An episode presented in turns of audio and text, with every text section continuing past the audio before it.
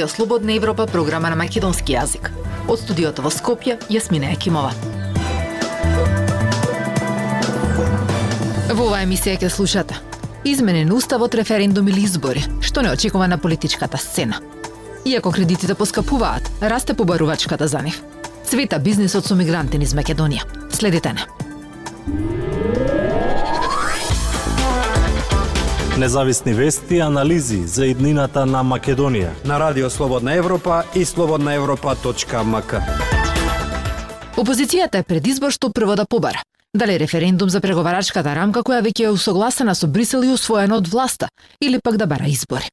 Аналитичарите се поделени во однос на тоа дали не очекува преспанското сценарио во собранието за променета во уставот или можен ќе биде компромис. Повеќе во прилогот на Зорана Гаджовска-Спасовска.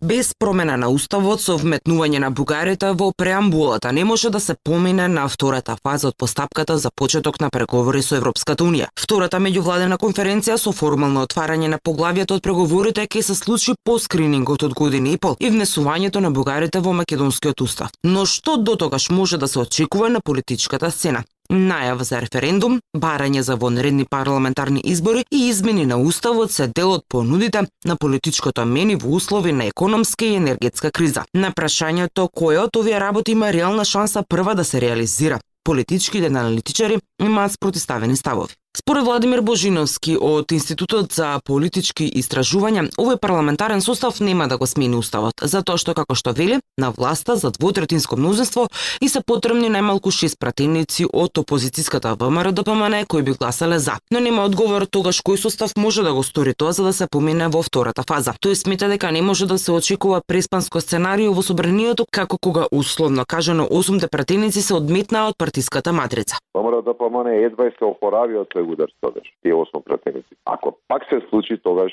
веќе има многу сериозен проблем. Но самата партија не е ова само за гласање. Едноставно на пратеници од партија која што чекува да дојде на власт, која што се бори нели заедно со граѓаните и така натаму против овој француски предлог што рече. Сега да излезат од таму шест души да гласаат за, мислам дека е неверојатно. Не малку малку веројатно, туку неверојатно. Во меѓувреме опозицијската ВМРО ДПМН размислува за референдум кој како што изјави лидерот на партијата Кристијан Мицковски ќе се однесува на преговарачката рамка, односно дел од неа во која е вметнат протоколот со Бугарија. Според Божиновски многу фактори влијаат врз можностите за избори, додека референдумот кој го најавува опозицијата може да се очекува да се одржи на есен. Зимата ќе биде прашна очигледно од она што го имаме као информации. Не гледам дека некој нешто се спрема овде за таа зима во однос на набавка на некакви енергенси. Според мене има реално можност да се случат некои избори во март или во април. Дополнително ќе зависи и од позиционирањето на помалите коалициски партии, односно дали ќе останат на мнозинството или ќе свртат нов лист, додава тој. Од друга страна, пак аналитичарот Алберт Муслио смета дека сега ќе следува смирување на политичките страсти и измени на уставот, а за избори избори вели нема време. се, отварањето на уставот и изборите се две различни категории. Не верувам дека било која партија кај нас тежне е да добие на избори 80 пратеници. Така да во нашето политичко уредување и нашата политичка реалност е работа на компромис.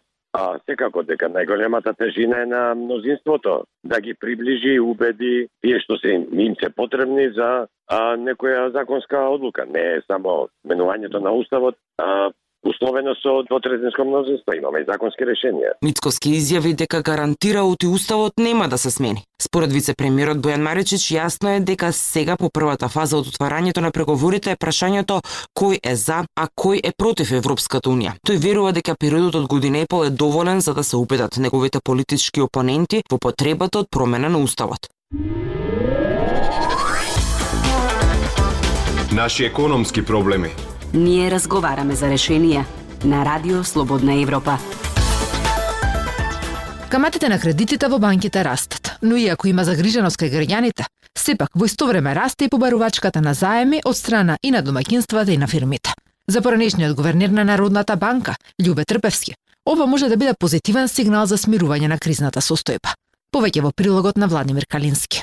Кредитите поскапуваат, но тоа не ја намалува побарувачката на земите во банките. Граѓаните и компаниите се задолжуваат дури и повеќе споредено со периодот од почетокот на годината, кога основната каматна стапка беше двојно пониска.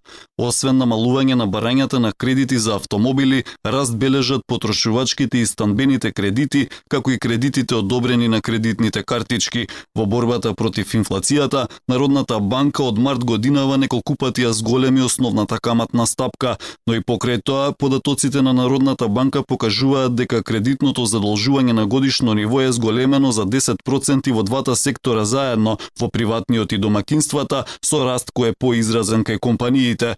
Официјалните податоци покажуваат дека во приватниот сектор кредитирањето постојано расте со годишен раст во корпоративниот сектор од 12,4% според последниот извештај на Народната банка, кај домакинствата годишниот раст на кредитите е 7,7%.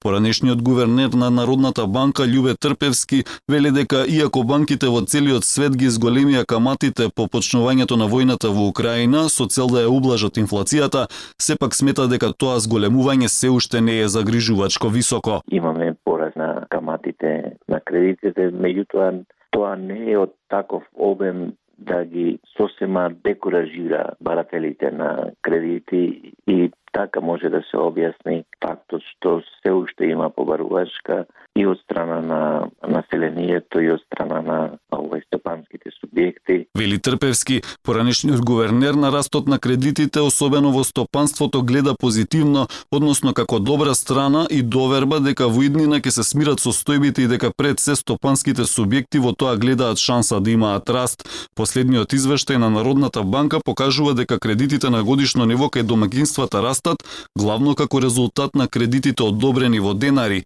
Кај дел од граѓаните со кои разговараше Радио Слободна Европа сепак постои загриженост за растот на каматните стапки, но велат дека се во ситуација кога мораат да ги користат земите од банките. Имам подигнато кредит, Слушнав дека Народна банка ги покачила каматните стапки. Не ми е седно, загрижен сум, но немав друг избор, мора да го направам тоа, па што биде, нека биде. Вели Јордан Ангеловиќ, граѓаните веруваат дека голем процент од населението во Македонија се задолжени во банките и дека растот на каматите секако ќе направи некаков притисок врз нив. Без работа сум јас и сега мислимо е како ќе ги вракаш кредитите. Вели Стефан Мисовски, инаку Народната банка основната каматна стапка двојно ја зголеми како мерка во борбата против двоцифрената инфлација. Трпевски објаснува дека Народната банка пред се ја следи политиката на Европската централна банка, бидејќи денарот е врзан со еврото и во таа смисла ја зголемува референтната каматна стапка. Последното зголемување во јуни беше за 0,50% поени, со што основната каматна стапка сега е на ниво од 2,5%. Слободна Европа. Следете на на Facebook, Twitter и YouTube. Иако Балканската рута беше затворена во 2016 година, во заеднички акции на армијата и полицијата, неделно се откриваат по неколку стотици лица кои илегално преку Македонија се обидуваат да стигнат до западните држави со помош на криумчари. Извештајот на Стейт Департментот нотира дека е намален бројот на случаи против трговците со луѓе, ама ја нагласува загриженоста за корупција и соучештенство на службените лица. Мигрант каснат од змија и пончинатото лице пронајдено на депонијата Неготина. Двајца мигранти починале откако ги удрил воска и Евгелија. Го апсиле со друга, а во викендичката му нашле и 10 мигранти. Ова се само неколку неодамнешни наслови во медиумите, кои со доаѓањето на летото уште еднаш покажаа дека луѓе умираат додека цвета бизнисот со мигранти во земјава.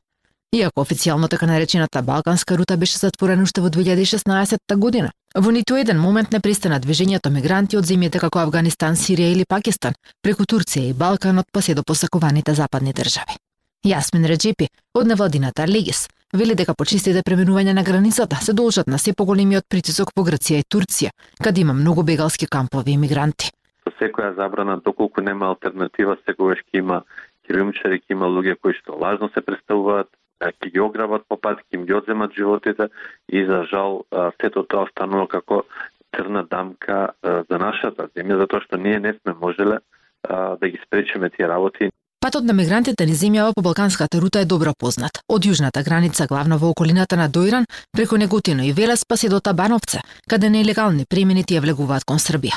Токму на средината на оваа рута е домот на Ленча Здравкин, каде во екот на бегалската криза стотици луѓе секојдневно бараа помош од неа. Сега ретко гледа мигранти, бидејќи како што вели, луѓето се превезуваат скриени во комбиња и камиони. Бегалци има, меѓутоа не ги гледаме ние често по патиштата, по автопатиштата, по, по пругите, користат секако нелегален превоз, каде што цути еден друг бизнис, бизнис на криумчарење. Во текот на изминатата година од МВР откриле 64 случаи на криумчарење вкупно 815 мигранти, бројка која беше 4 пати поголема во пандемиската 2020 година. Во првите 6 месеци од годинава пак биле откриени над 400 илегални мигранти. Во новиот извештај на Стейт Департментот посочена е и критика за македонските власти за недоволно справување со трговијата со луѓе, иако се додава дека се прават значајни напори во таа насока. Според овој извештај, Северна Македонија се наоѓа на второ ниво заедно со 80 на земји од светот, меѓу кои се и Албанија, Хрватска, Грција, Унгарија и Италија. Во него се посочува дека локалните полицајци немаат доволно разбирање за трговијата со луѓе, а особено загрижува корупцијата и соучесништвото на службени лица во ваквите кривични дела на трговија со луѓе. Во меѓувреме, од владата соопштија дека е продолжена кризната состојба на јужната и северната граница, токму поради ризик од мигрантски бранови во летниот период. Радио Слободна Европа, светот на Македонија. Нестарата противпожарна единица на Балканот се наоѓа во Битола, формирана со повелба на румлискиот Палија во 1836 година. Сепак, и покрај ветувањата пред секој избори, објектот никако да се реновира. Ова е трета локална власт како ветува изградба на нова пожарна станица. Повеќе во прилогот на дописничката од Битола, Жанета Здравковска. Питола е има најстарата противпожарна единица на Балканот формирана пред 186 години, но со децении обстојува во стара станица која не ги задоволува современите стандарди. Објектот е стари со дотраен мебел, гаражите имаат потреба од современ начин на грејење, а се уште се грејат на печка на дрва. Необходна е санација на канализационата мрежа и други поправки. Ова е трета локална власт како ветува и изградба на нова пожарна станица. Предходните две власти ветија, но не остварија.